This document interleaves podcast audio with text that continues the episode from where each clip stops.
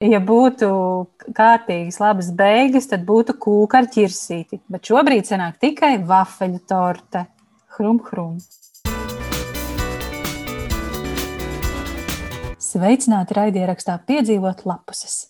Mēs joprojām esam dzīvi, raidieraksts pastāv. Tiesa gan mazliet iemidzis tādā, tādā letarģiskā miegā. Cerams, ka vasara mūs spēcinās un mēs spēsim atdzīvoties. Un ar mēs, es domāju, Sandru. Čau, Sandra! Čau, čau! Čau, Zane! Čau! Un ar klausītājiem esmu kopā arī es, Aija. Mūsu atsauksmes par izlasīto meklējiet mūsu Instagramos. Ja kas meklējiet mūsu Instagram vārdus sērijas aprakstā. Jūnijas ir pagājis, un mēs šodien esam savākušās, lai parunātu par jūnijā izlasīto, bet pirms mēs sākam runāt par izlasīto, es kā vienmēr gribu teikt paldies mūsu patroniem. Um, joprojām raidierakstam ir vairāki patroni, kas cītīgi turpina sekot mums un uh, ziedot šo te, uh, lielāku vai mazāku naudu. Mēs esam pateicīgas par uh, jebkuru summu, uh, ko jūs ziedojat, un uh, es turpinu šo jūsu saziedoto naudu turpinu ziedot Ukrainai, kā tas tika solīts. Pašās februāra beigās, tā kā jā, joprojām visa naudiņa, kas ienāk patronu lapā, tā tiek pēc tam aiz, aizziedota, ziedota Ukrainai. Es parasti pielieku vēl tur kaut kādus eiro klāt, lai tā summa ir apaļa. Un, jā, viss turpinās. Par raidieraksta plāniem un par to, kad mēs beidzot, kad tad raidieraksts varbūt būs regulārāks, vai kad mēs atgriezīsimies arī pie patronu klausītājiem un bonusiem viņiem, ir tā, ka šobrīd izskatās. Vasarā mēs joprojām pavadīsim tādā mierīgākā režīmā, šo visu aizvadīsim, padomāsim. Es padomāšu, vai ir vērts turpināt. Bet, nu, nu, ja vasara būs tāda īpaši spēcinoša, tad septembrī jau atgriezīsimies raidierakstā jauniem spēkiem, jaunām sērijām, regulārākām un varbūt arī jaunām idejām, kas zina. Bet jā, paldies ikvienam, kas joprojām sako un klausās. Ja to vēl neesi izdarījis, klausītāji, noteikti ieliec raidierakstam piedzīvot lapuses piecas zvaigznes Spotify.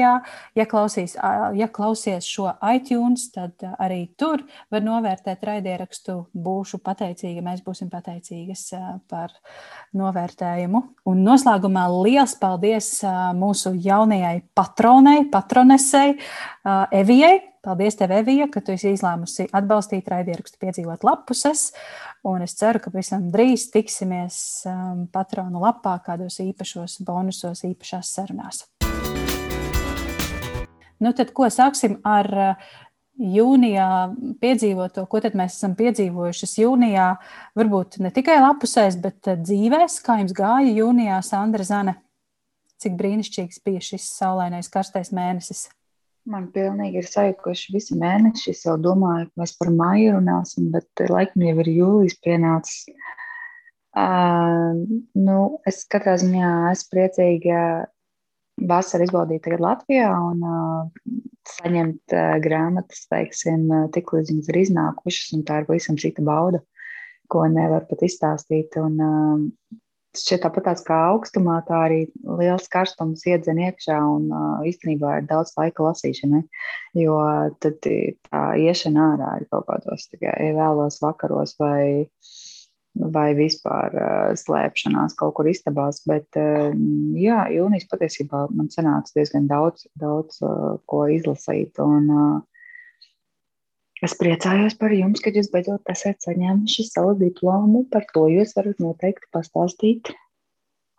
Nu, Zana, pastāsti, kāda ir sajūta ar diplomu kabatā? Um, tāda dīvaina, ka mēs vairāk nemācīsimies. Tas likās tik ilgi un tajā pašā laikā tik maz.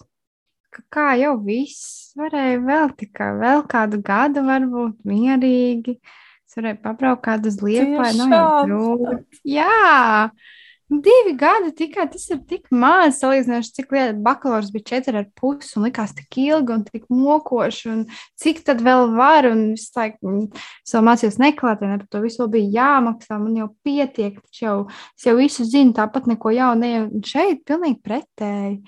Arī vēl kāda gadiņa. Bet tāpat neticās, ka viss, ka viss, un ka mēs pabeidzām. Kā? Jā, mēs ar zēnu izlaidumā vienotrai teicām, tu tici? Es neticu, ka mēs to izdarījām, bet mēs to izdarījām. Jā.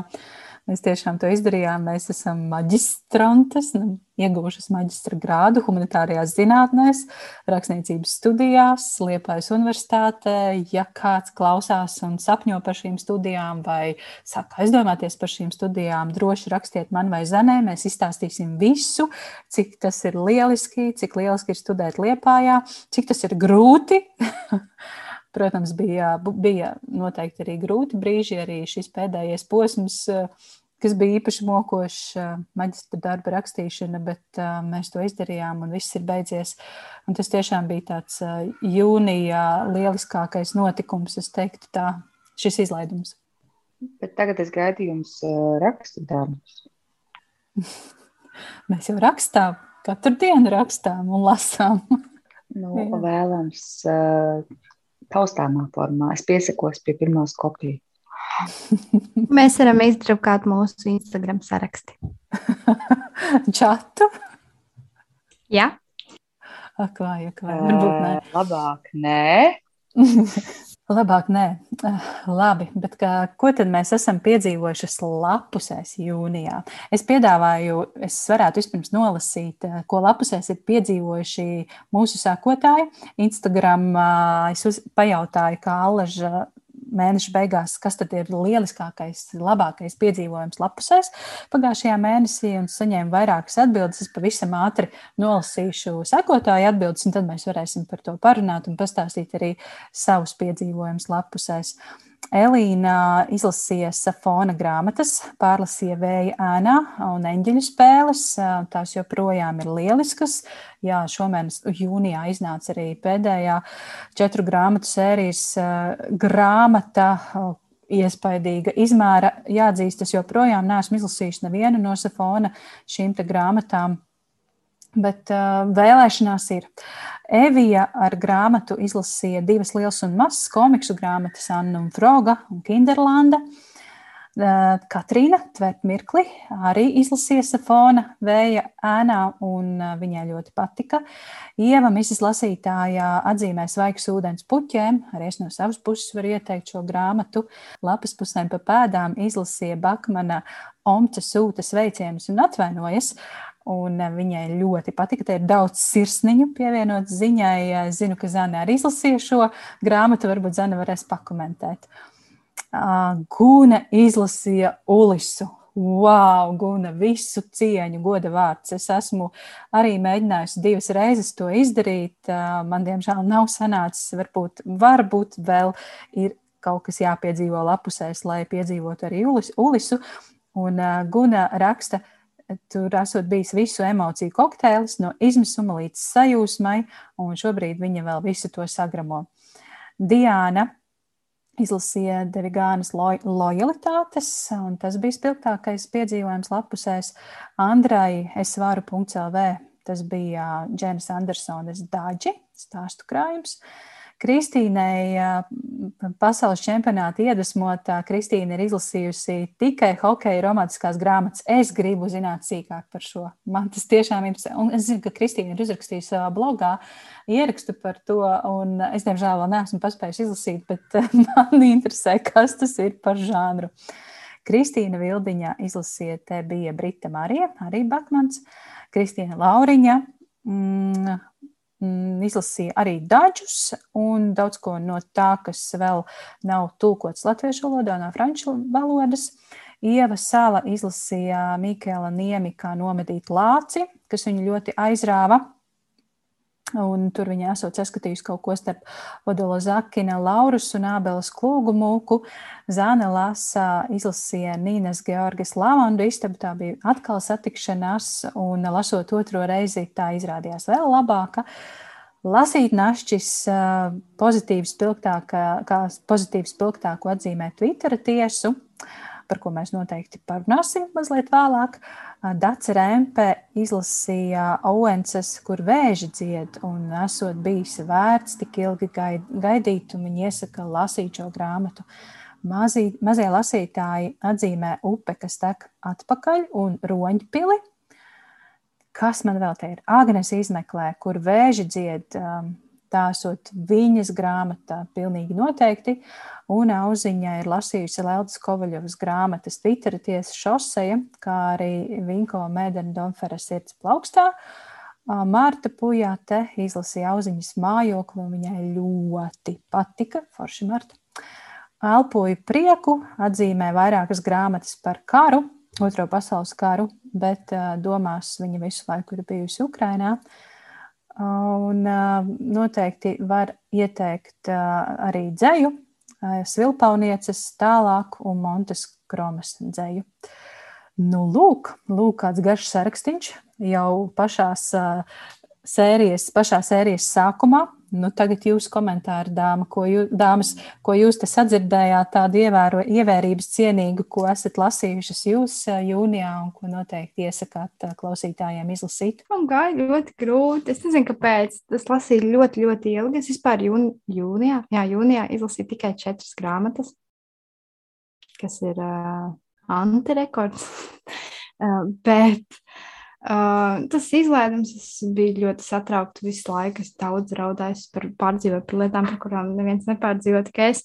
Un uh, mm, izlasīju mēneša sākumā laiks atkal iedegt zvaigznes, kas man ļoti patika. Man šķita, ka nu, tagad būs, jā, aizies vasara, un man ir tik daudz laika, un es tik lasīšu. Un tad es pieķēros Annas Dejas fandomam, kas bija tāds riktīgi lēns un mm, Nu, kaut kā man neaizgāja. Es gaidīju kaut ko pavisam citu no šīs grāmatas, tāpēc nešķita tik interesanti. Un tad jau pa vidam izlaidums, brālim izlaidums, man izlaidums, uh, otram brālim vēl dzimšanas diena, visu kaut kādu pasākumu un svētki. Un, un kad man es par kaut ko uztraucos, ka man tas būs jādara, tad es nevaru palasīt, vienkārši sēžu un uztraucos. Tad es atvēru omci, jo es biju uztaisījusi to savu nedēļas izaicinājumu, ka nu, es nedēļas laikā izlasīšu trīs bakmanu grāmatas. Un es lasu to omci, un uh, pirmdienā es viņu lasu, un tad es visu nedēļu nelasu neko. Tad nākamajā nedēļā es saprotu, nedēļa ir pagājusi. Nu, šonadēļ gan, nu, tas nekas, ka šonadēļ ir izlaidums, bet nu, es palasīšu.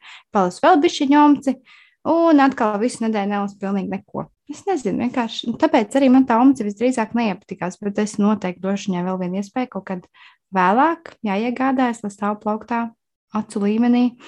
Uh, un, jo es zinu, ka man šī grāmata patiks, bet kaut kā nebija emocionāli īstais brīdis viņu lasīt. Bet atkal es noliku omci, un tad nākamajā dienā es pieķēros um, Britai Marijai. Un ko pavisam viss aizgāja. Man ļoti patika Brita Marija. Es tāpēc nesaprotu, kāpēc man tik ļoti nepatika Omsa. Un pa vidu, protams, bija arī mūsu mēneša grāmata. Jūs teicāt, ka jūs gribat ierakstīt sēriju, un es vienkārši Jāņos sēdēju un labi aiziet, un es viņu tā arī izlasīju. un nosvilināju savus kājas, protams. Bet nu, tagad viss ir kārtībā ka vai visi Jāņa pavadīti lasot, kas var būt brīnišķīgāks par šo? Nu, visi gāja spēlēt volejbolu, un tā kā es nevaru nodarboties ar sporta spēlēm, un es arī negribu, tad tas bija labs variants. Visi bija pēc līgo svētkiem nu, tādi saguruši vai arī ļoti sportiski. Un tad es kopā ar tiem sagurušiem izmantoju zviļņu sēnā un savus kājiņus ieliku saulītē, bišķiņu pasauļot, tad bišķiņa aizmirst, ka es lasu. Tas nozīmē, ka četras stundas pagāja nemanot. Un tad sāka sāpēt kājas, un tad es pavisam ielīdu ēnā. Nu, skaidrs. Um, es atceros, kad es lasīju Omci. Es atceros to laiku, jo es to lasīju diezgan drīz pēc uh, vīrs vārdā Uve, ko tu, Zāne, laikam vēl neesi lasījusi. Ja? Zanimā ir galva, ka nav lasījusi, ja kas. es, es lasījuši, jā, un tagad sakrā, es, es gribu bibliotekas grāmatiņas paņemt, lai, jo šīs ir tādas labas paņemtas, un lai cilvēki ātrāk tiek pie viņām, lai es te neturu uh, zem matrača, tad es atkal lasīšu ūve, cerams. Jā, nu, lūk, es lasīju Anci pēc uh, Uves, Un uh, man arī īstenībā gāja diezgan grūti. Es atceros, ka man diezgan vēlu pielaca, ko tā omca tur īsti stāsta. Nu, tās, tās pasakas, kas tur īsti notiek. Un tas, man liekas, ka, tas, ka es pat līdz pusē tai grāmatai tiku, un tikai tad es sapratu, kas, kas tas īsti ir. Uh, Un uh, tad man tā grāmata ļoti patika, bet uh, ļoti grūti bija iešūpoties. Bet uh, man liekas ļoti labi, ka tu izlasīji Omci pirms Britas Marijas, jo tur mazliet, mazliet ir maza saistība, un tad ir vairāk skaidrs, kāpēc Brita Marija, kas ar viņu notiek un kāpēc viņa ir tur, kur viņa ir un, un tā. Jā, man arī es kaut kā tā sanāca, jo tā omca bija bibliotekas grāmata, un es domāju, jāņem sākumā bibliotekas grāmata. Un, jā, es arī priecājos, ka neviens man to nepateica, bet tā man sakrita. Hmm.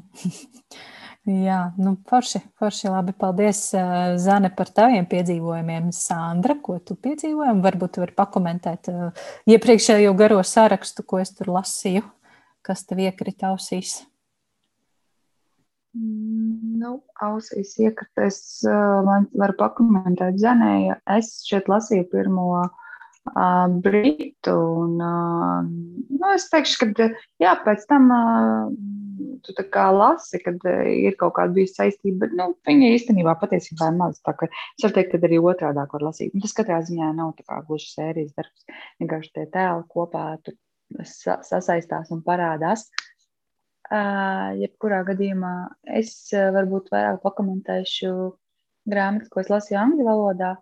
Diemžēl ir tā, ka dažkārt izlasu kaut ko labi angliski un, un to nav dalīties ar ko priekā. Un gribas, lai, lai nu, kaut kādā ziņā vēl kāds viņas ir lasījis.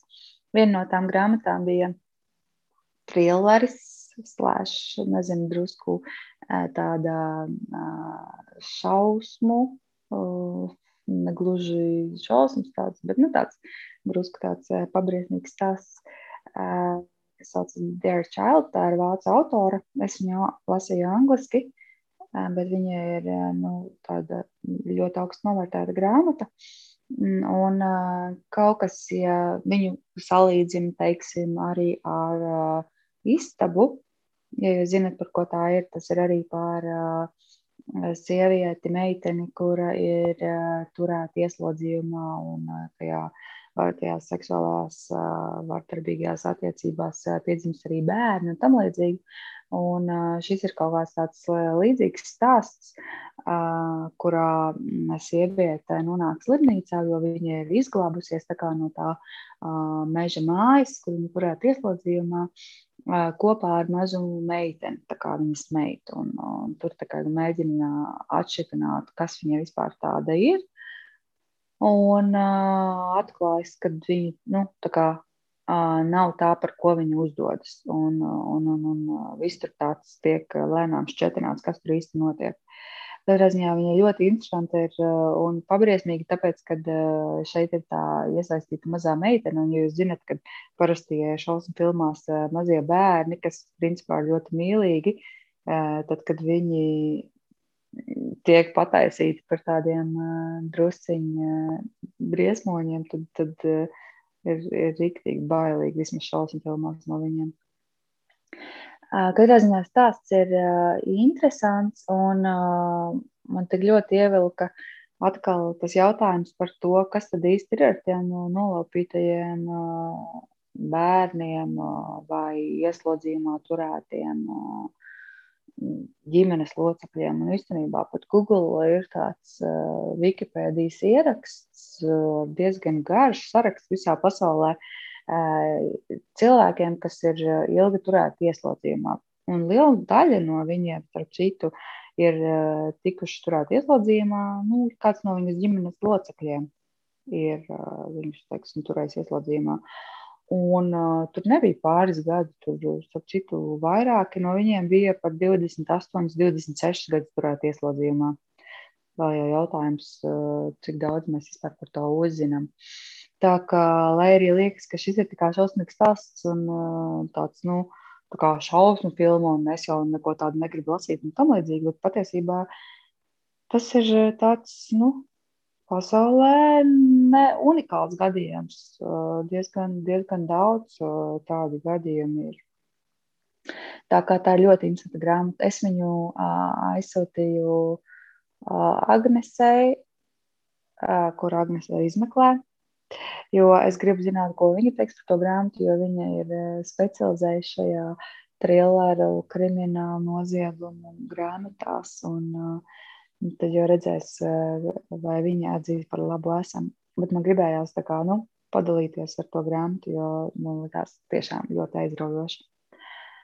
Sandra, pasaka, lūdzu, Sandra, pasaka, lūdzu, vēlreiz, kā sauc to grāmatu. Dear Child. Aha, paldies. Es uh, varu atsūtīt linku, vai arī vēlāk ievietot to grāmatu. Es arī atsauksmu uzrakstīju uh, Instagramā, tā ka viņi tur kaut kur mētājas. Bet par vēl vienu grāmatu es gribēju pateikt uh, par uh, Tofiju. Jeb, nu, kā mēs zinām, uh, latviski šī konfekts sauc cīris, ja tiešā tūkojumā sauktos. Nu, tad ir ļoti interesantā valodā, tādā varētu teikt, dzējā sarakstīta grāmata jauniešiem, jaunu gadu žanrā. Un, ja jūs esat lasījuši kā suns, kā kaķis, kur principā tas teksts ir arī tā interesanti izvietots un tādā nu, dzē, dzējā, tā kā proza, bet tā kā dzējā, tad šis ir kaut kas līdzīgs, bet viņš ir, viņi tie dzējoļi ir vēl tādi tādi īsāki, un viss tas izvietojums uh, ir tāds tā kā mazi dzējoļi, un arī katrai tai nodaļai ir nosaukums, tā kā varētu teikt, dzējoļa nosaukums. Viņa ir tik laba, pirmkārt, jau tēma. Tēma ir par uh, jaunu meiteni, kurai ģimenē iet uh, grūti, un, uh, un viņa tā kā aizbēg no mājām, un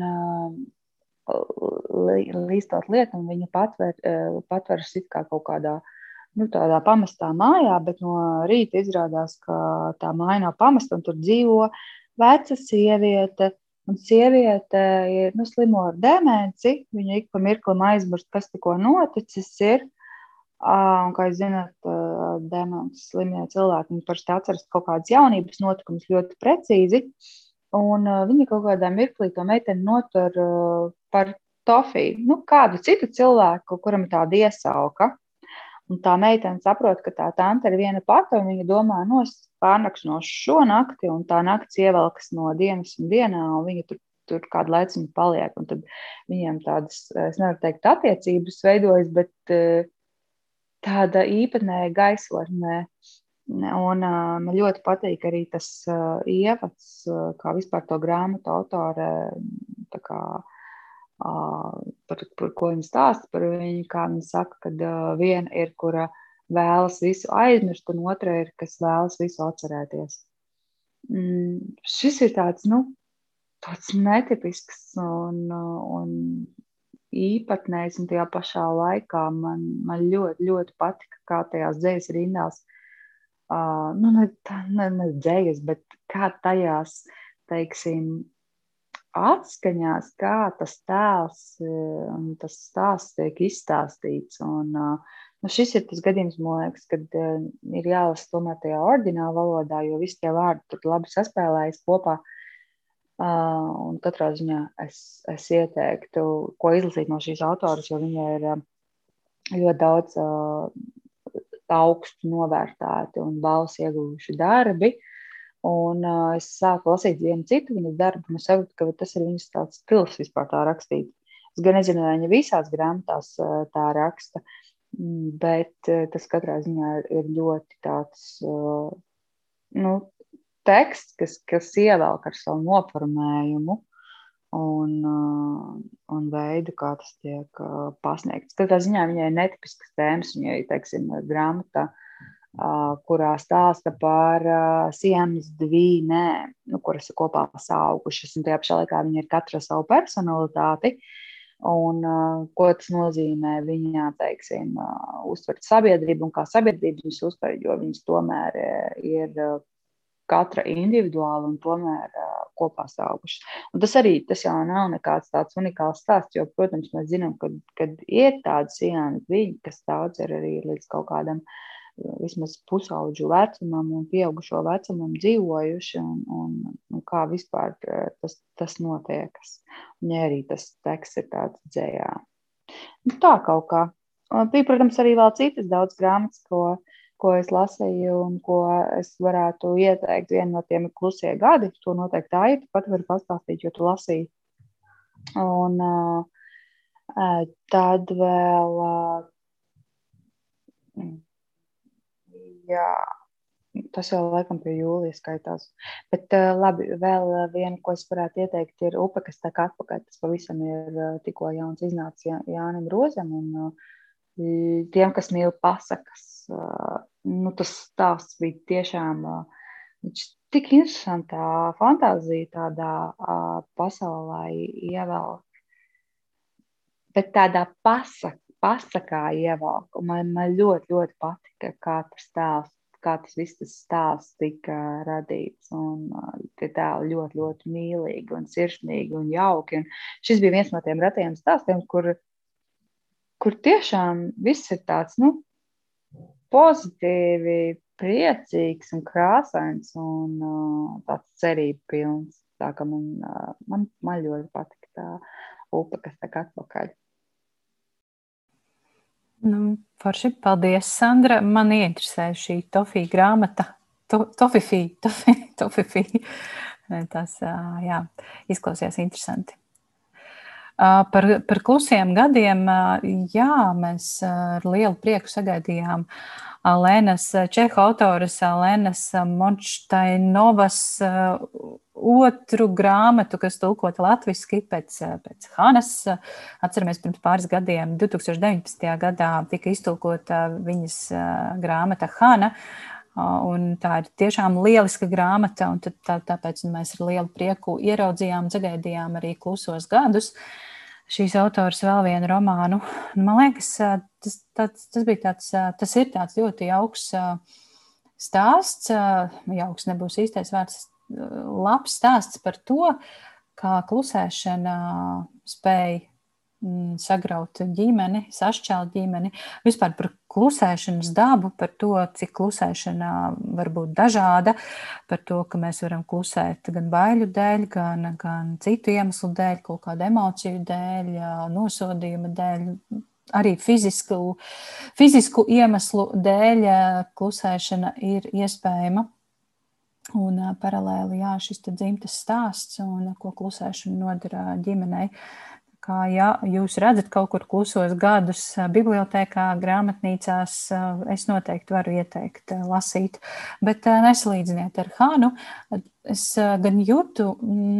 Nu, es jūtu, ka tā ir tā pati autore. Tas ir viņas rokraksts, manuprāt, to varēja labi just. Bet jā, tie traģēdijas apmēri ir mazliet citi. Šoreiz tas ir vienas ģimenes ietvaros šī mazā vai attiecīgi konkrētai ģimenei noteikti lielā traģēdija. Ne tik daudz nu, tā, tāds vēstur, vēsturiskos apmēros šis stāsts nav. Kaut gan arī padomu laiki un, un to ietekme uz cilvēku, uz cilvēka vispār domāšanu arī šajā romānā ir jūtama. Tad kaut kādi vēsturiski, vēsturiski mirkļi un, un grieži tur ir. Bet uh, es gribēju ieteikt uh, Zviedru autorā Mikēla Niemī grāmatu Kā nomedīt lāci. Uh, Sandra, tad, kad uh, es pateicu Sandrai, o, es arī šo vēlos izlasīt, Sandra bija tādā mērnā šokā, ko? Ja lasīs vēsturisku trilleri. Jā, es izlasīju, man bija ļoti interesanti, man tiešām ļoti patika šī grāmata. Jā, es pat varētu to izcelt kā vienu no jūnija tādām labākajām grāmatām. Tāds, tāds tumšs, bet ļoti poētisks stāsts. Tāds, nu, tāds arī romantisks, manuprāt. Man ļoti patika, ka šis te, centrālais tēls ir mācītājs Lestādijus, kas, starp citu, ir bijis vēsturiska personība Zviedrijā. Tas nav izdomāts tēls. Tad, nu, attiecīgi, kā jau romāna autori kaut ko paņem no vēstures un tad pārējo piedomā, kā, kā viņš kā tāds Šerloks Holms meklē šīs, šos pavadienus un atrisina tās slepkavības un, un izmeklē visu. Mm, bet uh, paralēli ir arī šis jaunais puisis, kas ir pilnīgi no citas uh, vietas Zviedrijā. Nu, var teikt, no tās vēsturiskās cilts, citas ienācis. Līdz ar to viņš ir tāds nedaudz atstumts un nesaprasts. Un, un tad ir viņa paša bērnība, kas ir diezgan baisā un, un, un nabadzībā audzis šis jaunais puisis, aizbēdzis no posta. tagad jā, ir pilnībā um, pakļāvies šim mācītājam un, un reliģijai būtībā visādas tādas interesantas nianses, par kurām var domāt arī mūsdienu kontekstā, un paralēli ir šī visai interesantā izmeklēšana. Un, protams, kā jau vienmēr detektīvos, katrs lasītājs sacenšas ar autoru, kurā brīdī tad es kā lasītāju noķeršu, kas tad ir galvenais varonis. Un, nu, vismaz es maldījos. Beigās jā, bija cits nelietis, nekā es biju sākumā iedomājusies, bet tur tā, tur tā var visu kaut ko izdomāt patiesībā. Jo, jo galvenais aizdomās turamais, protams, ir lācis. Tas ir 19. gadsimta vidus Zviedrijā, pašos Zviedrijas ziemeļos. Tad tur arī par tādām, tādām tumšām tēmām, un, un, protams, tā sabiedrība ir diezgan uh, nu, tumsonīga un, un uh, citādāka nekā. Bet varbūt arī nē. Nā, Drusku ir tā tum, tumsonība. Mm. Jo tur arī tiek parādīts, kā ziemeļos, ka tā, tagad viņi skatās, nezinu, tā Zviedrijas teritorija, bet visas tur jau senāk satiekas, kas tur bija, nu, visi tie lapi un sāmi un visas tās ciltas, nu, tāds tā kā sajaukums arī to valstu, nu, tagadējās tās valstis, bet tur tās, tās valstis Um, ko es gribēju teikt, uh, interesanti tas nosaukums, uh, protams, mani viņš interesē, jo tur ir iekļauts mans uzvārds, uh, nu, koka, bet, nu, uh, koka. Uh, un uh, es, protams, draudzenē tur precējusies ar Zviedru. Es teicu, nu, klausies, nu, kas tad ir īsti tā koka? Uh, Ko tas nozīmē? Jā, bet tas īstenībā nozīmē vārīt. Tas nozīmē, ka pēc nosaukumā viņi tas ir nomedīt lācis, acīm redzot, lai nemaldīt, nemaldinātu vai kā. Jo es prasīju, vai tad, nu, jo Bjorn ir lācis, un tad es prasīju, vai tad ir tāds izteiciens, nu, tā kā nomedīt lācis, tā kā koka Bjorn. Bet nē, atsevišķi koka ir principā vārīt, uzvārīt, un uh, tas nav gluži nomedīt. Es nezinu, kāpēc, uh, nu, jo koka nenozīmē medīt. Tā kā tā, tā kā interesanti ar tiem nosaukumiem ir. Jā, bet tas izklausās mazliet labāk nekā kā izvārīt lāci. jā, jā, bet es vienkārši, mani, protams, interesēja, kas tad ir tas koka, un tad, nu, domāju, nu, medīt, nē, bet tas nav medīt. Tas ir īstenībā vārīt. Man interesē vēl joprojām, varbūt tur ir tomēr kāda saistība ar ar kaut kādu to izteicienu, vai, vai nezinu. Nu, nu, kā jau arī angliski, teiksim, ir visi tie izteicieni. Bet, ko es gribēju teikt par klusiem gadiem, es ieteicu mammai viņu izlasīt, un, jo viņa bija sajūsmā par Hānu, viņa patiesībā bija tā, kas toreiz man lika lasīt Hānu. Un uh, viņa no sākuma sāka lasīt klusie gadi, un viņa man saka, ka viņa īsti kaut ko tur nesaprot līdz galam. Un taisnība ir, jo sākumā, no sākuma tas varbūt mm, nav tik gluži skaidrs, kas tur notiek, bet nu, tur, teiksim, tā ir jālasa, kamēr saslēdzas kopā, kā katrs no tiem cilvēkiem ir saistīts un ko nozīmē. Tāpēc nevajag baidīties, ja sākumā tā kā jaucas tie cilvēki un nevar saprast, kas ir tā viņa, jo katrā ziņā tas stāsts ja jūs viņam ļausieties, viņš nu, visu saliks uz plauktiņiem. Es gan nevaru solīt, ka rakstniece visu, uz visiem jautājumiem jums atbildēs, jo man gribēja, es pilnībā gan arī iekliedzos, kā autore ļāvusi vaļu atvērtai versijai, un uh, man tik ļoti daudz ko gribējās vēl zināt, bet katrā ziņā, jā, to nevajag salīdzināt ar Hānu, tas ir vispār uh, cits uh, darbs, bet uh, citas sajūtas, citas emocijas, bet tajā pašā laikā ļoti, ļoti baudāms. Un, un viņā tā līnija par tām ģimenes klusēšanu, neizstāstīšanu, neizrunāšanu ir tik saprotams, man liekas, katrā no mūsu ģimenēm. Es to uztveru diezgan personīgi, jo arī nu, nezinu, mums dzimtā ir tik daudz vis kaut kas tāds klusēts, neizrunāts. Un uh, sevišķi arī ar visiem vīriešiem, kuriem nepauž tās emocijas un, uh, un kaut ko klusē, un, un katrs tur to sāp iekšā. Tā kā šis, man liekas, tieši ar to uh, padomju laiku un uh, pēcpadomju klusēšanu un noslēpumiem, man liekas, ir arī, arī ļoti Latvijā ļoti saprotama un, un zināma tēma. Tā ka mm, es domāju, ka nu, mūsu teiksim, tādai sabiedrībai viņa ļoti labi nolasās šī grāmata. Jā, es piekrītu. piekrītu jā. Tā, tā vīriešu klusēšana, tas ir šausmīgi tracinoši. Un tas ievelkas tiešām uz gadiem, gadiem. Un rekā, tas, tas romāns ļoti labi parāda, kā, kā tas viss ietekmē pārējos ģimenes locekļus. Bet es piekrītu, ka sākumā īsti nevar saprast, kas tur notiek un kas kurš ir kurš. Un, um, jā, bet man tas netraucēja. Man ļoti patika tā, tāda mazliet uh, mīklu minēšana un uh, tad beigās tā saslēgšanās kopā. Es zinu, ka Zana, tu esi sākus lasīt laikam, šo grāmatu. Es tā manīju tavā Instagramā. Kā tavas pirmās sajūtas? Tā tiešām ir. Es uh, izlasīju prologu, un man tāds mm, man ļoti patīk šī grāmata. Un tad es tiku tālāk, man vēl joprojām patīk šī grāmata. Bet es esmu tikai otrajā nodaļā. Cik nu es paspēju ar uh, trīs bērniem, četriem bērniem šodien, un Omi palasīt, tik es arī paspēju. Forši, jā, tad Oma noteikti... laikam tā, kas visvairāk tev traucē lasīt. Jā, Omas ir tāds pļāpīgs. nu, forši. Oma liek ēst visu laiku. Zana, vai tas tu lasīsi? tas gan. Zana, vai tu lasīsi arī, kā nomedīt lāci? Vai mēs tevi ieinteresējām? Uh, es esmu pieteikusies rindā, un es jau pēc saviem komentāriem iepriekš, un pēc uh, Sandras jau, jau, jau, jā, jā, jā, jā. jā. Yes. Ja Zana izlasīja 1, 7, 9, 3, tad šis viņai ir obligāti jālasa. Es izlasīju 1, 7, 9, 4, 1, 7, 9, 3, es neizlasīju. Ah, Kretskā. Nu, jā, bet katrā ziņā, jā, jā, jā, jā, noteikti. Un, un ja Aija lasīja nomedīt lāci, varbūt viņa var arī uz to 1793. Varbūt. Aizsniegties. Varbūt. Bet es domāju, ka mums ir jāsniedz tālāk pie mūsu mēneša grāmatas. Uh, un jāparunā, ko tad mēs piedzīvojām lapusēs Leldes Kovaļovas Twitter tiesā.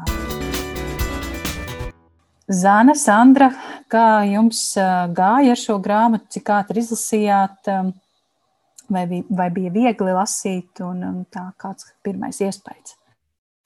Man bija diezgan viegli lasīt, ņemot vērā, ka viņa tā arī pa to vienu diennakti gan arī pabeidzu Jāņa dienā, un nākamajā rītā pabeidzu, jo domāju, ka mēs ierakstīsim. Uh, tad, uh, jā, nu, teksts ritē raiti, viss kā parasti LD ir sanāk, uh, raita valoda, tas man viņai patīk, tas ir tāds foršs plus vasarā, ka tā, tev nav jāmokās ar uh, dziļām domām, kas nu tagad notiks, un, uh, bet, uh, jā, man patīk, man tāds beigas nojauc visu, es teikšu, kā ir.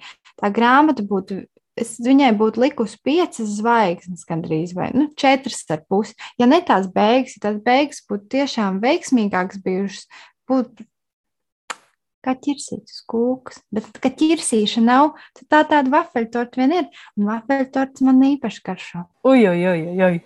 kur tur ķirsīts un kur tur vafeļtorta pagaidi?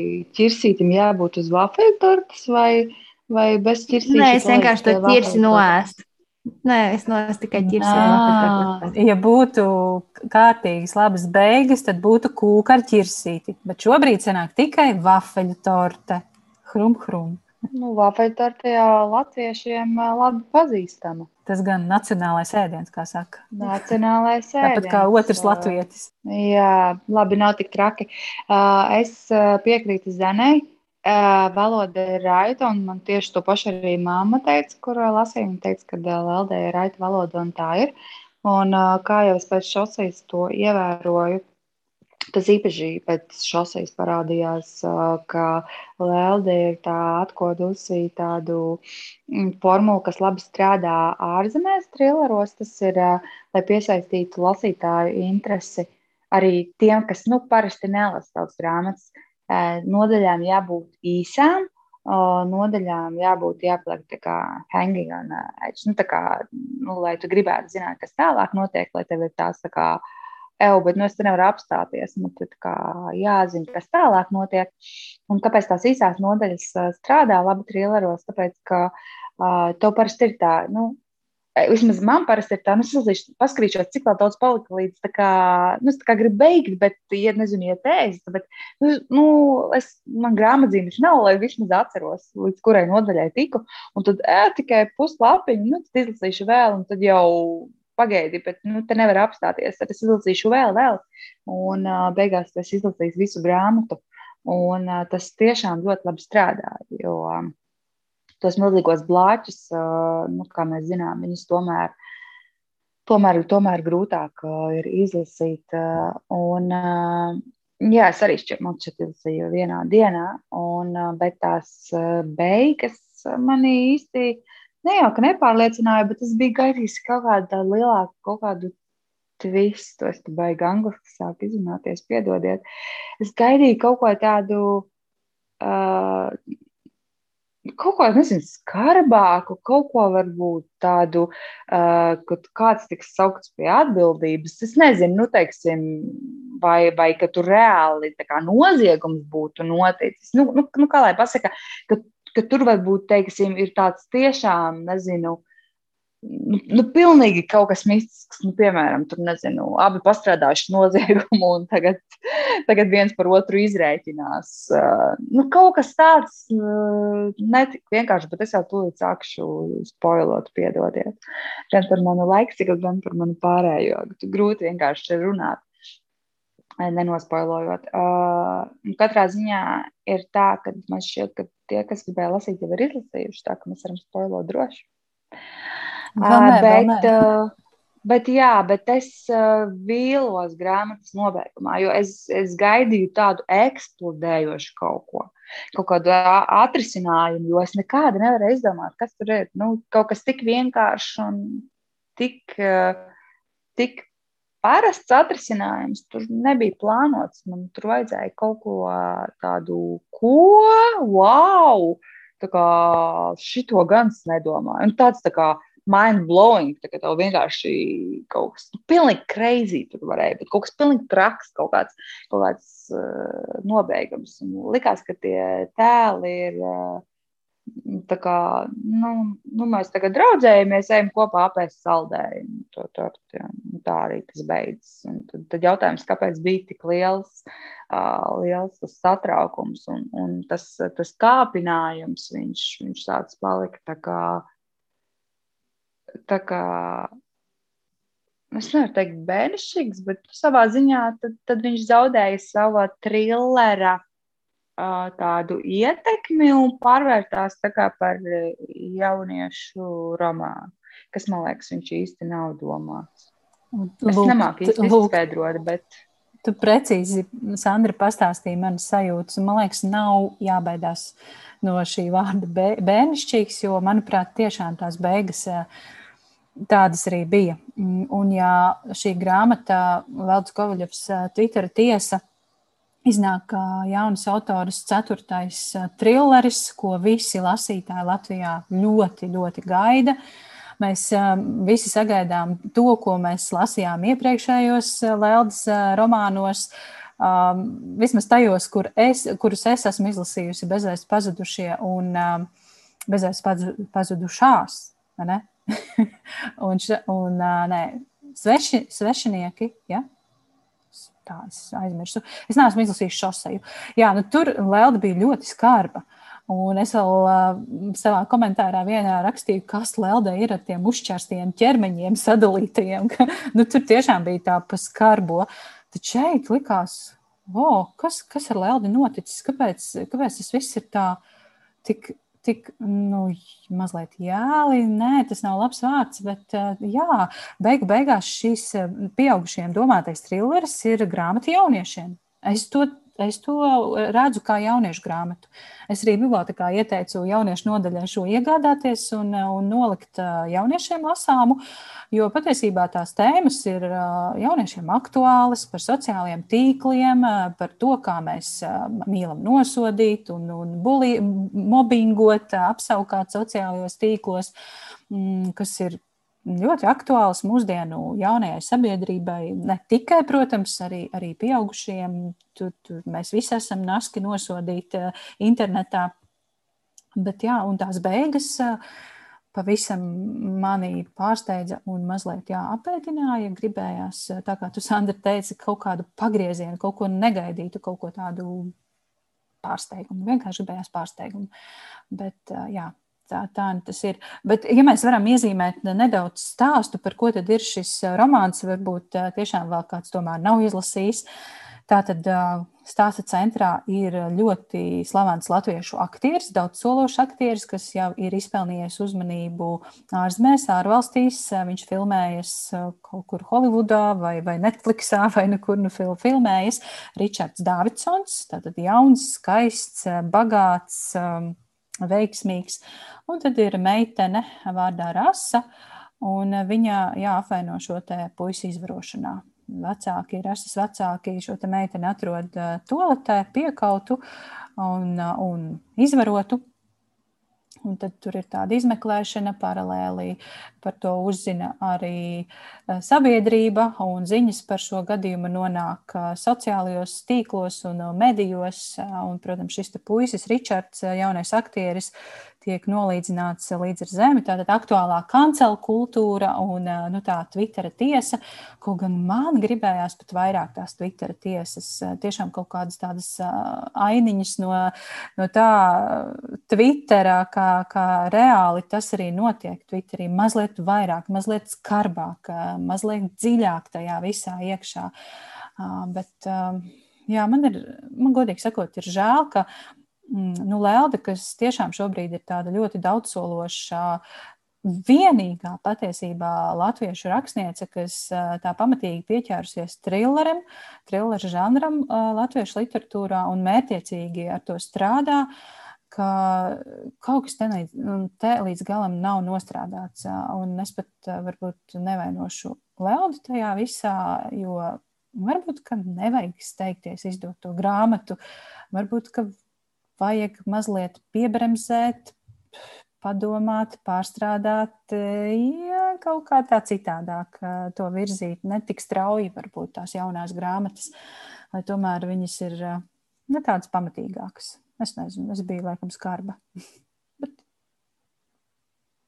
grāmata plāpas. Tu biji skarba, tu biji skarba, jo es pateikšu tā, ka mm, neskatoties to, ko es visu teicu, un, un tā es arī domāju, uh, tas pats veids, kā Lelde raksta, un tā, nu, tā grāmatu tā kā gribas izlasīt līdz beigām, un, un tas, tas vien ir tāds, pirmkārt, es gribu tiešām uzslavēt Leldi, jo tas, cik īsā laikā viņi tomēr nonāk pie rezultātiem un salīdzinot, cik es esmu lasījuši citiem kas skaitās debitanti, un viņi mēģina rakstīt kaut kādā krimināla žanrā, vai es pat nezinu, kādā žanrā. Nu, tur, es pat, tur es pat salīdzināt nevaru, jo, jo tomēr kaut kāda visa tā pieredze un tas, kā visi tie seriāli un viss tas pārējais, kāds tiek virzīts, jo tajā neilgajā laikā, kas tie sanāk kaut kādi divi, trīs gadi, Leldē ir tāds milzīgs, nevar teikt, fanu plūks, bet tiešām nu, cilvēki, kas gaida un lasa viņu, ka, ka viņi ir izveidojuši savu atpazīstamības vārdu, jo cik daudzi parādās kā debitanti. Un pat man gribas teikt, žēl, bet nespēju dabūt šādu, teiksim, fanu atbalstu. Jo, ko es gribu uzslavēt, piemēram, šis pats Altis Bukšs ar savu lielisko romānu brāļi, kas ir tiešām ļoti labs romāns. Pirmkārt, viņš ir sarakstīts vienkārši lieliski. Tēma ir un aizraujoša, un, un, un man tiešām pārsteidza šīs grāmatas. Bet viņa pazūd tā kā melnajā bedrē. Tas kaut kāds lokus, kas mēs viņu lasījām un iesakām un priecājamies, ir tik maziņš, ka viņa vārds, nu, neviens vairs nerunā par brāļiem. Bet uh, tie pašā laikā Lēlda ir spējusi, un tas nav tā vienkārši. Tev nepietiek tikai uzrakstīt labu darbu tev ir nepieciešams dabūt cilvēkus, kas lasa, kas pērk savu grāmatu un kas gaida ar nepacietību tavu nākamo darbu. Un, tāpēc jau vienmēr ir, vienalga, kādu produktu uzstājas, vienmēr pastāv tas mārketinga puse, ar ko, diemžēl, nu, vi, visiem nav tādas spējas. Un, un tad tas tad vienkārši, tas, tas, diemžēl, kaut kur, kaut kur pazūd. Bet es vienkārši par to priecājos, ka, kad ir tomēr cilvēki, kas ļoti mērķiecīgi mm, teiksim, iet uz savu mērķi un spēj to, to panākt. Jo, jā, jo es domāju, es saprotu arī kaut kādu filmu top, es gan nezinu, par kuru daru, par šosei, tad tā ir tev obligāti jāizlasa šosei. Gribu zināt, ko tu par to teiksi. Nu, labi, labi. Es izlasīšu. Nē, nu, par, par Leldas darbspējām, protams, vispār nav runa. Es abrīnoju, cik viņa ir jaudīga un viņa spēja uzrakstīt romānu, viņa spēja producēt šos seriālus, jā, top jauns seriāls. Un, uh, kas vēl viņai tur ir plānotājs un vispār aktīva, aktīva dzīve paralēli. Ja atceraties, viņa vēl nesen piedalījās bodybuilding sacensībās, kas aizņem nenormāli daudz laika. Tas aizņem nenormāli daudz laika. Es sabrīnoju šo jauno sievieti, un es patiesībā ļoti ceru, ka Lelda noteikti turpinās rakstīt. Un viņai tiešām ir prasmes, spējas, un mēs gaidīsim noteikti jaunus, jaunus romānus. Es domāju, pirmkārt, runājot par pašu tēmu, man ļoti patīk, kad arvien vairāk mēs runājam par internetu un tā ietekmi.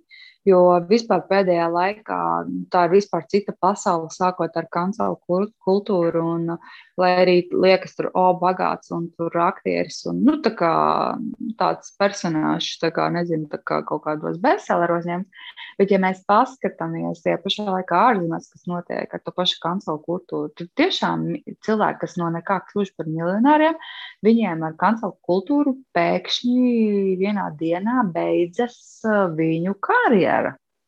Tas ir gan make-up artistiem, tā ir bijis, gan ģimenēm, kur nezinu, gan jaunietēm, kas tur uz suni kaut kādā video ir kaut ko tur uh, darījusi. Un uh, viņus vienkārši vienā dienā nolinčo un ar to arī beidzas. Ko darījusi ar suni video? Kas ir šis video? Jā, ir, ir, ir, ir YouTube tāda pazīstama blogere, kur netīšām, es nezinu, netīšām vai tīšām ievietoja, piemēram, video, kā viņi slikti izsaka pret savu suni un viņi nokancelēja. Fuh, mēs ar Zanu bijām satrauktas. pilnīgi par kaut ko citu nodomāju. Pilnīgi. Es, protams, neatbildu, neat, neatbildu. Es neatbildu par jūsu samaitātības plakātēm un vispārējo. Es nemaz negribu iedomāties, ko jūs iedomājāties. Bet jā, ir visādi, visādi gadījumi YouTube un uh, nu, visur. Kas man patika? Protams, šī valoda, ka viss raiti ir itvenē cilvēkiem, kas nelasa, ka mēs esam pilnīgi aptrakuši tantes. Uh, tas ir ļoti svarīgi, jo cik laiks ir, tik ir, cik viņi atvēl laiku grāmatām, mēs atvēlam ļoti daudz laika no savas dzīves. Nākamais. Man ļoti patīk, ja grāmatas raksta no vairāk varoņu perspektīvas. Nezinu, kāpēc, bet tās parasti ir mans mīļākās grāmatas, tāpat kā bija par tām zvaigznēm. Es laikam aizmirsu to nosaukumu. Man ļoti patīk, ka ir no visām pusēm šis viedoklis un domas.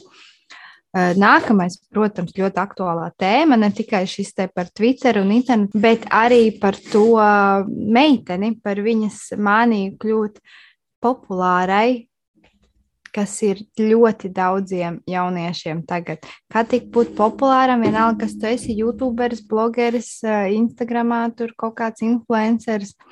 Lai visi par tevi zina. Un vienalga, vai tas ir pozitīvi vai negatīvi, jo kā rāda arī dažādi notikumi, ka tu arī ar negatīvismu vari kļūt nenormāli populārs, un pēc tam jau viss aizmirst, kā tu patiesībā kļūsi populārs, un tu caur to pelni naudu. Zinot, ka Lēlda tiešām ir uzrakstījis jau trīs grāmatas, kurās beigas ir tādas, ka tu saproti, wow, nevar būt nopietni.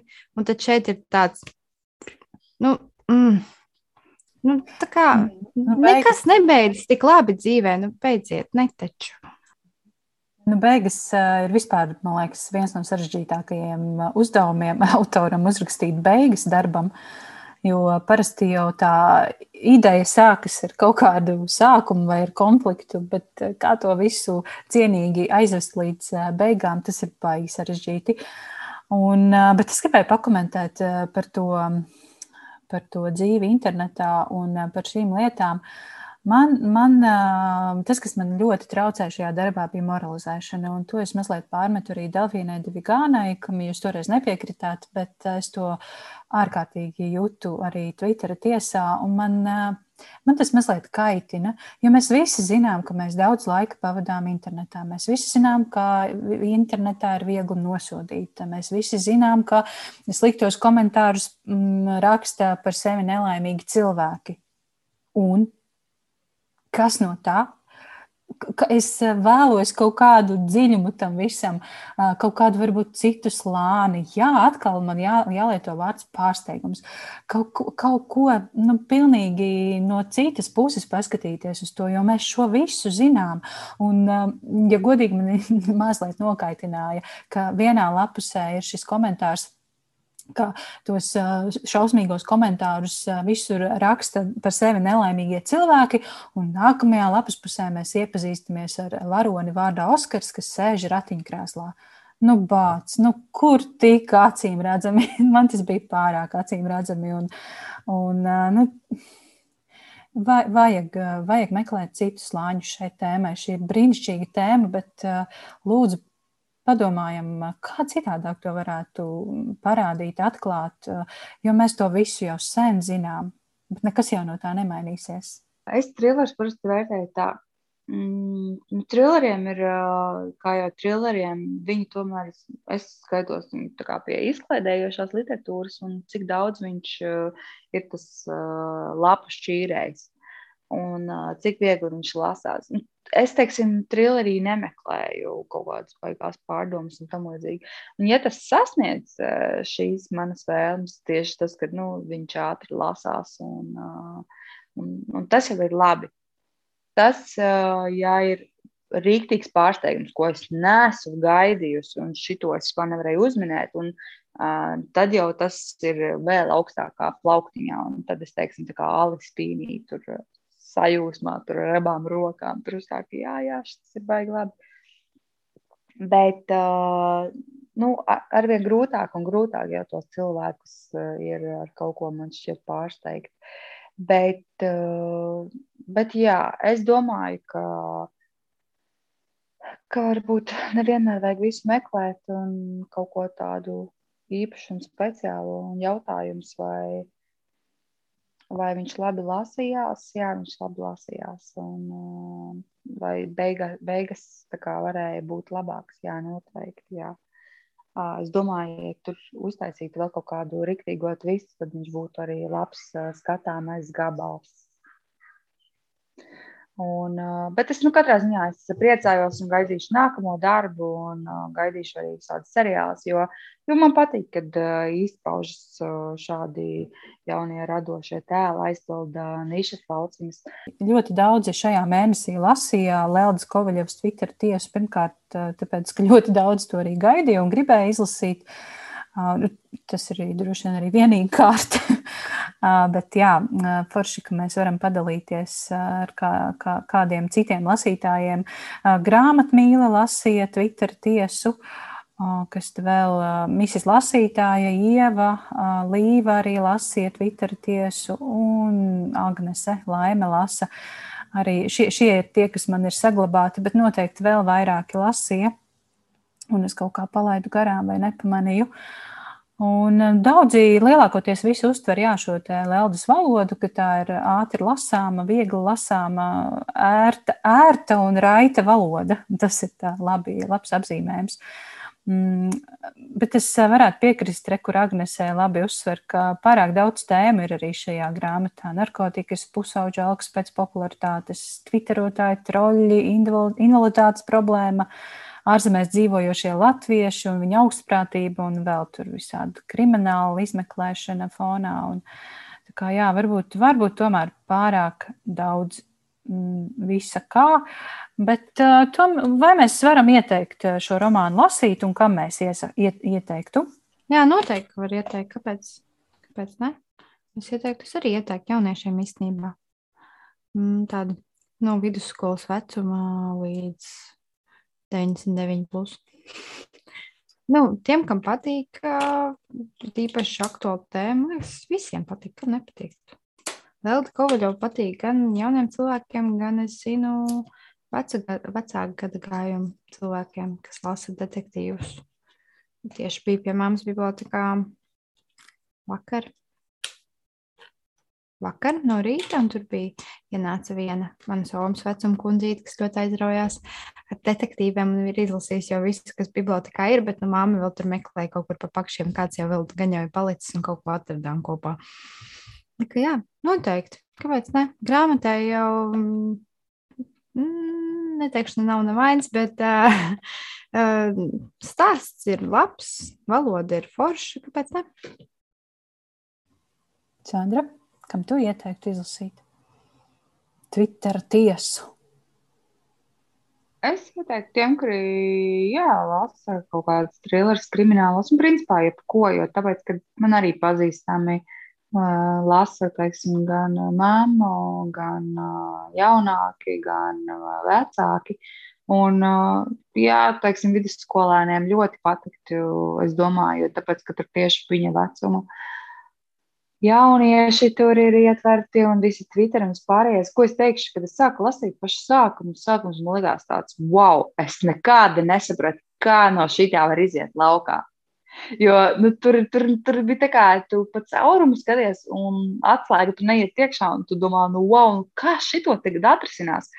Jo tur ir pēkšņi pilnīgi kaut kāda ģimene. Es domāju, kur tur vispār Twitter, nu, kā, kur tur vispār viss iet kopā, jo tas sākums likās tāds wow, tur tā ģimene un, un, un nekuriene un, un kā.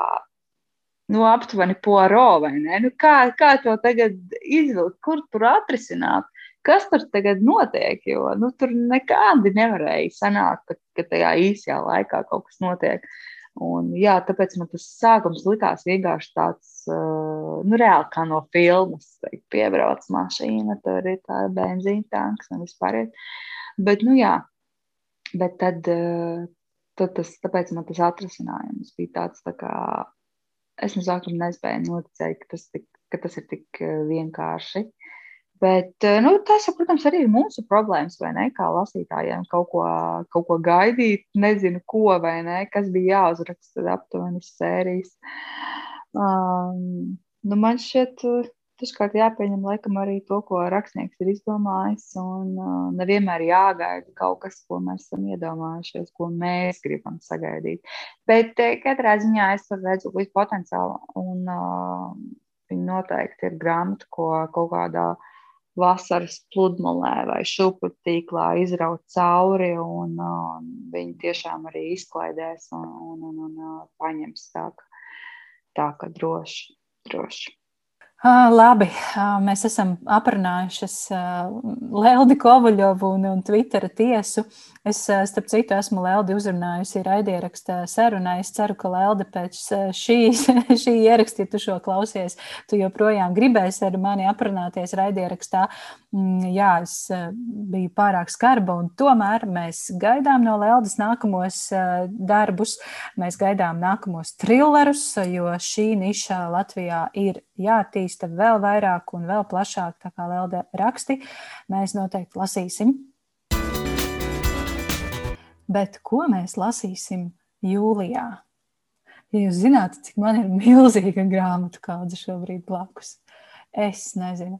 Es lasu divreiz, eh, ne divreiz dienā, bet divas stundas dienā vidēji apmēram.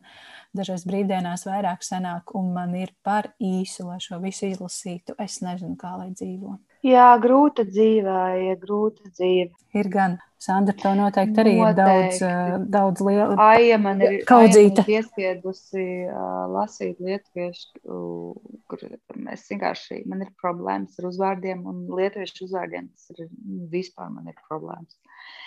Uh, Sabaļauskaite. Neatceros. Sabaļauskaite. Jā, man ir problēmas ar uzvārdiem. Es, es arī latviešu, kur nu lietuviešu. Uh, tā ka noteikti to lasīšu, bet es vienkārši degu nepacietībā, kad iznāks Pētera imperatori, jo viņi pašlaik rādās kā drīzumā. Zinot, ka citas grāmatas drīzumā ir četri mēneši drīzumā. bet to grāmatu es gaidu jau gadu. Un katru reizi, kad es ieraugu lietuviski, es, uh, es zinu, nu, līdz tam līmenim man vēl ko augt, lai viņu lasītu lietuviski, jo viņai tie visi teikumi ir uh, pagari un sarežģīti. Bet uh, tā ir grāmata, ko es gaidu, un, un cerams, ka tagad jūlijā viņa tomēr iznāks. Bet uh, man ir kaudzes ar grāmatām, un pašlaik es lasu lūšku, un uh, viņa gan lēnām iet, jo, protams, tur ir, tur ir, uh, nu, tur ir kaut kāds cits līmenis ar tādiem daudz uh, zemūdeņiem, kā lai saka. Nu, viņi, viņi, viņi nav tā kā, teiksim, kas kā trillers, viegli klausāmais, ko vienkārši izraut. Viņš ir tāds, ka jāizlasa, jo tur ir tik daudz tie jaunvārdi, tie jaunradas vārdi, lai vispār saprastu, kas tur ir domāts. Un, protams, tas ir ļoti interesanti. Jo es iedomājos, tas jau nav vienkārši iztūkot, tas jau ir, tas ir radīt jaunas vārdus, jo tas nav paņemt no krievu valodas un uh, iztūkot. Tā kā es brīnos, uh, kā tulkotājs šķiet tas ir, ja? Arvis Kalmanis. Jā, Arvis kā viņš izdomā un cik viņš īstenībā patiesībā ir atbildīgs par to, lai viņš šo darbu pārnest uz latviešu valodu. Jo pirmkārt, jau nosaukums vien, vai ne, kur tas lūž, ka, nu, lai viņu radītu to vārdu, jo krieviski viņš vispār bija kaut kā, u, u, kā, kā viņa krieviski saucās? Kris, jā, nu kā no kris sanāk lūška, tur ir, jo, nu, sanāk, viņš pilnīgi rada tā kā paralēlu stāstu, bet viņam ir jābūt arī nu, tādam, ko salikt kopā. Visi tie ugurķēni, uh, nevis urķēni, ugurķēni. Ugurķēni, jā. jā. Mm -hmm. Un, un tā kā pirmkārt, tas jau nav nekas reāls, viņam ir jāizdomā, un tas viņš, viņš jau nav vienkārši viņus pārtulkojis, jo tur jau nav ko pārtulkot. Un tur ir daudz tie vārdi, un, un jā, tāpēc viņš lasās ļoti lēnām, jo tev tā kā ir, ir jāiz, jāizgaršo tas, tas vārds, tas, uh, nu, ka tā vien, tavs smadzenēm tā jāsaprot, ka tā nav kļūda gramatikā, ka tas ir kaut kas pilnīgi jauns. Tagad ļoti interesanti man to lasīt, jo tā ir tā kā pilnīgi cita, cita pasaule, ne, ne tikai tā kā pēc apokaliptiskā pasaule, bet tieši literārajā ziņā cita pasaule nu, kā tie vārdi tur ir un tur paliek. Tas, tas varbūt arī nekur citur vairs neparādīsies. Ne? Un tagad ļoti interesanti. Man liekas, man liekas šis tulkojums, nu, viņam, nu, viņš varētu arī pretendēt arī uz kaut kādu balvu tulkojumā. Tāpat tās man gribētu salīdzināt kopā ar um, tavu mīļāko darbu pagājušo gadu. Uh, Kāds ir problēmas ar nosaukumiem? Jā, jā, es vēl joprojām uh, diezgan sarūktināta esmu, kad uh, tas tulkojums netika nekur, nu, teiksim, tā apbalvots. Nu, tādā ziņā novērtēts, jo, jo to visu iztulkot un tos jaunu vārdus, kas tur tika speciāli izgudroti. Es viņus tiešām ar baudu lasīju, kā tas viss tika tika pārcelts uz to latviešu valodu. Tas ir tiešām tāds, tā, tur ir jābūt ļoti prasmīgam, lai to varētu izdarīt. Un šis ir arī kaut kas tāds pilnīgi, nu, milzīga atbildība tulkotājiem, vai ne? Jo arī tas rakstnieks, viņš taču, viņš taču nevar, nu, pateikt, jā, es šito akceptēju. Nu, ko viņš tur var akceptēt? Viņš, viņš, viņš nepārzina to, ko tulkotājs vispār tur sarakstījis. Tur. Tā kā uz viņu tāda milzīga, milzīga atbildīga. Pat katrā ziņā, jā, nu, ļoti interesanti. Jā, nu, nu, nu. Un tā pilnīgi citā dimensijā. Un, un arī, varētu teikt, ļoti poētiski. Nu, tas teksts ir tāds, tāds uh, neparasts un tāds poētisks. Jā, noteikti. Es piekrītu, ka nu, tulkojums ir apbrīnojams.